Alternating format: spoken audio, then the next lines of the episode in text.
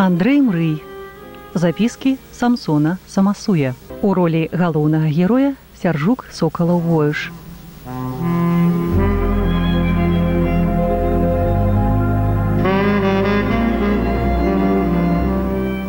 На вуліцы я пачуў вельмі цікавую размову дзвюх дзяўчынак, ішоўшых спераду за мяне. Адна з іх была з чырвоным гальштукам, чысценька апранута і гаварыла другой у старэнькай зношанай вопратцы. Ведаеш, генька, я з табой больш дружыць не буду, ты беспартыйная, а я партыйная. Ай ліда, не кажы так, а то я заплачу. Цяпер мне можна толькі з партыйкай гуляць. А калі буду з табой, дык магу залезці ў балота і абрасці мяшчанствам. Другая дзяўчынка сумна павесіла галоўку. Размова дзяўчынак падкрэсліла маю думку. Займаючы такую адказную пасаду, як мая, трэба быць партыйным, няёмка быць беспартыйным. І я прыняў цвёрдую пастанову. Няхай лін укусіць сябе за вуха, а я буду ў партыі. Тады ён загаворыць і з мною іншым тонам, будзе поўзаць лісліва глядзець у мае суворыя вочы, будзе лавіць на ляту кажнае маё слово. Тады і рыбачка крэйна зменіць свае халодныя адносіны да мяне. Я буду ў яе вачох разумным, прыгожым і цікавым. Лін не будзе больш пагражаць мне. Я цябе ў таганрог скручу за смерць сваёй мілэцькі. Не ён мяне, а я скручу яго. Тады рафінадная пыса не будзе ўжо ўсім і кажнаму даводзіць, што я бытавая з'ява, што ў кажным раёне БСР ёсць свой самасуд.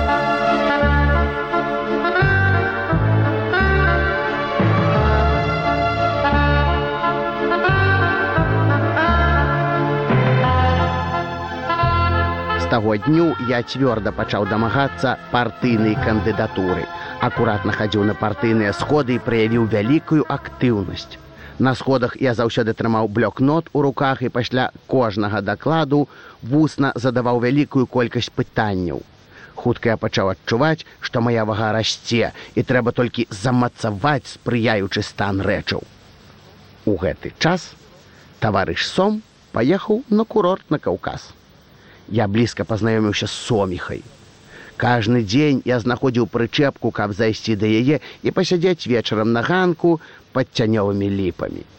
Добрая яна жанчына сакаўная, гладка разабраныя на два фронты чарнявыя валасы, заўсёды чырвоная хустачка на галаве, яе масліны вочы, доўгія павекі, падатны на грубыя ласкі мясёны рот і ўся ў гарачых мязях постаць здаровай вясковай жанчыны пад 30 год. Эхо-хо, як кажа торба. Уся кроў моя хадуном хадзіла кажны раз, калі націснула маю руку і усміхаючыся расчыняла свой поўны рот белых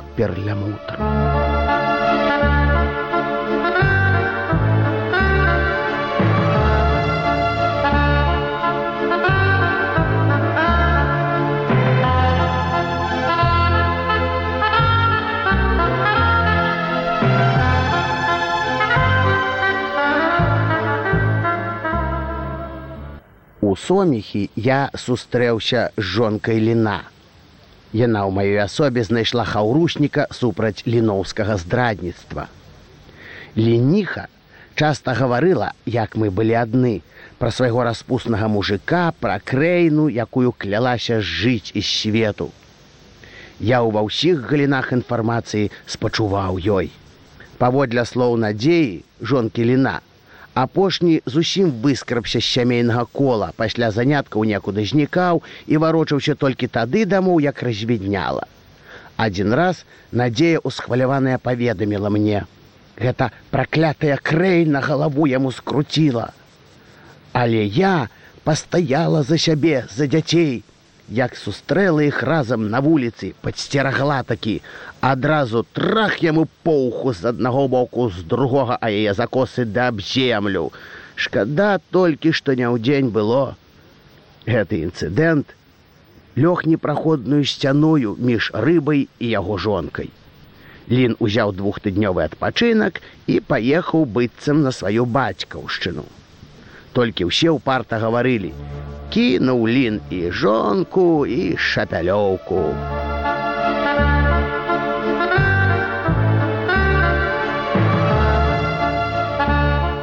Хутка гэта спраўдзілася. Адзін раз сядзелі мы на ганку саміхі. На імя надзей прыйшла тэлеграма. Бедная жанчына ўзняла ўгару руки і застагнала, прадчуваючы гора. Лін тэлеграфаваў у мэтах згусціць фарбы. Супольнае жыццё немагчымае. Страшэнны галоўны боль валіць мяне з ног. Дактары кажуць яшчэ тыдзень сямейнага жыцця і я скончыў усе разлікі агрэсіўным паралюшом. Не шукай мяне, дай супакой. Надзея страціла прытомнасць, дачытаўшы да канца гэтыя глыбока здрадніцкія словы. А я, як толькі жанчына зноў атрымала здольнасць хоць на 20 процентаў чуць і разважаць, пачаў суцяшаць. Дарагая, менш слёз і стогнуў сэрца. Не вы адна. Цяпер мужчынскае зладзейства бязмежнае. І адзін сродак ёсць для абяшкоджання распуснікаў гэта суд. Скарыстайце яго на ўсе сто процентаў. Цяпер таварыш надзея не верце мужчыне, хоць ён клянецца, хоць ком зямлі глынець яйцо, як перасцерагае ўсіх жанчын песняр гарачы у сваёй паэме кроў і зялеза. Праўду кажу вам, таварыш надзея, што паэма гэта цяпер ужо не актуальная. Яна напісаная з эпохі, калі, як вам добра вядома, за фунт шчавелю плацілі мільён. Цяпер для нас гэта ўжо пройдзены шлях. Так супакойваў я разбураныя сістэматычнай здрады ліна, нервы няшчаснай жанчыны, ахвяры мужчынскага звераломства.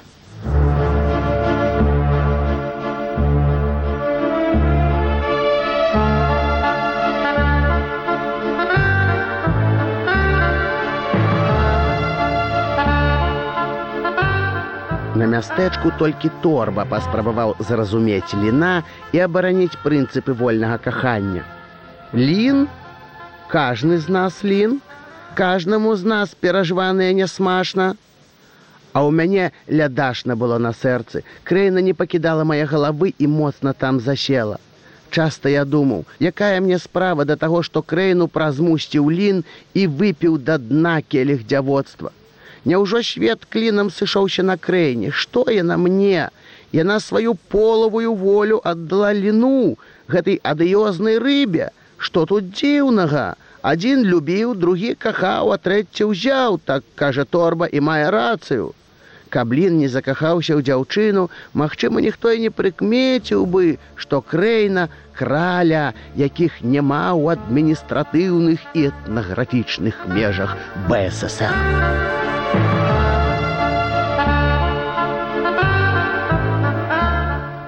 Торба фармуляваў маё захапленне крэйнай. Таму яна табе даў падобы, што ліну віхаецца за ёй. У людзей так і бывае, тая карова малошна, якую воўк з'есць. Такімі доўгімі разважаннямі спрабаваў я сябе, спрабавалі і людзі мяне адцягнуць ад крэйны. Але гэта спроба не дала каштоўных вынікаў, Сэрца, як і раней моцна грукацела прыдумцы аб крэйне. Позна вяртаўся я дамоў. У цемені вечару ужо цяжка было распазнаць прадметы, асабліва кіруючыся маім дрэнным зрокам. Я часта гакаўся і лбом аб бярозы, асіны і дубы на могілках. Я наляпляў сабе значных памераў гузы, суцяшаючы сябе толькі адным. На радзіме сойдзе часта боль ад гэтых прыгод быў непераносным і слёзы мае былі як боб неўмалотны так пакутаваў я за крэйну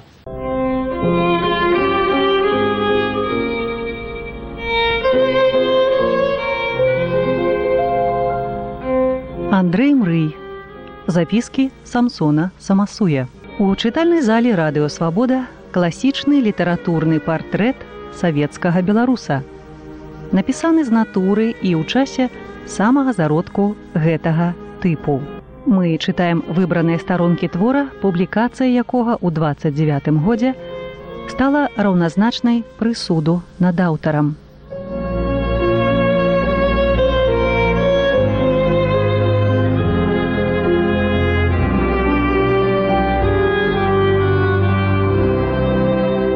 ролі галоўнага героя сяржук сокалаў воюш.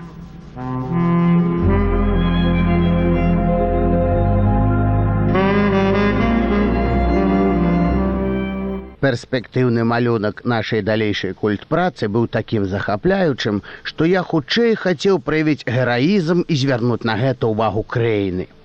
Пасля доўгага начнога абгаварэння з мамонам усіх дэталяў культ паходу ў шапялёўцы і ўзгаднення асноўных прынцыпаў кампаніі ў адпаведных органах, профбюро, райком і іншыя, мы канчаткова вызначылі сабе праграму чыннасці. Канешная мэта, прасунуць культуру ў масы. Для паспяховага правядзення гэтага лёзунгу ў жыццё мамон лічыў неабходным спачатку даць фізкультуру масам. Яго фармулёўка мы павінны спачатку быць здаровымі, а пасля будзем мець права быць разумнымі. Я спрачаўся з ім. Спачатку трэба кінуць навуку масы, бо народ пакутуе ад слабага развіцця мазгавых паўкуляў.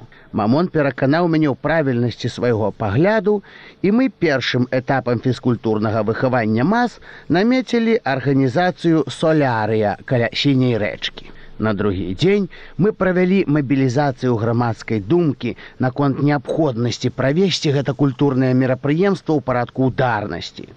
Камсамольцу дусіку, як самаму актыўнаму элементу ва ўсіх галінах працы моладзі мы сказалі: Наш заклік да сонца вады і паветра павінен быць здабыткам усяе камсамольская і беспартыйная моладзі усіх працоўных індывідаў.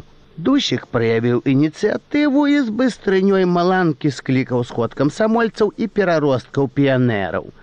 На сходзе ён інфармаваў: Мы доўга шукалі такой формы масавай грамадскай працы, якая давала б карысць, здароўе і была для нас цікавай. Цяпер гэта форма знойдзена. Перад намі сонца, паветра, вада, а мы не ўзялі іх на рэмус, не прыцягнулі да адказнасці, Няхай яны працуюць нам, як мы працавалі паном моладзь аднадушна ухваліла нашы тэзісы і пасля сходу вечарам правяла пампозную факельную праходку з лёзангамі за сонечную кампанію. Такім чынам мы ў парадку дэманстрацыі пачалі ўцягваць у кампанію насялення. Кампанія ў самым пачатку дала ўжо добрыя вынікі. Мамон радасна гаварыў мне: « Бачыш, нам толькі адзін дзень прыйшлося ўжываць кампанейскія метады вярбоўкі прыхільнікаў сонца, паветра і вады, далей усё як па маслу пойдзе. На другі дзень, як толькі мы з мамонам а дзевятай гадзіне прыйшлі да рэчкі і абралі мясціну, каб распрануцца, цяпер гэта месца зрабілася вурочышчам.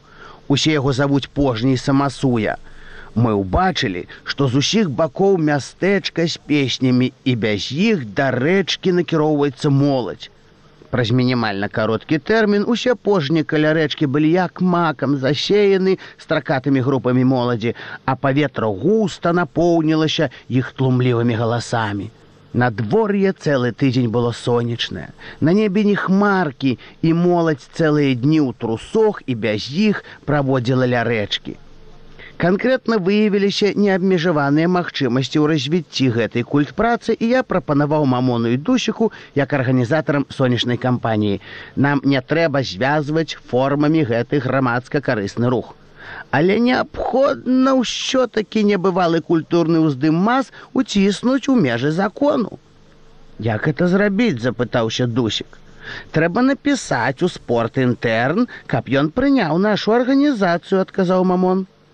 Арганізацыі яшчэ няма заўважыў я. Мамон і тут знайшоўся схапіў шматок паперы і буйнымі літарамі вывеў шач статут мы нічога не разумелі які шач? На што шач? Чорт ведае што? Мамон растлумачыў. Наша арганізацыя будзе звацца шач поўны тытул шапялёўская асацыяцыя чырванаскурых добра сказалі мы з дусікам у адзін голас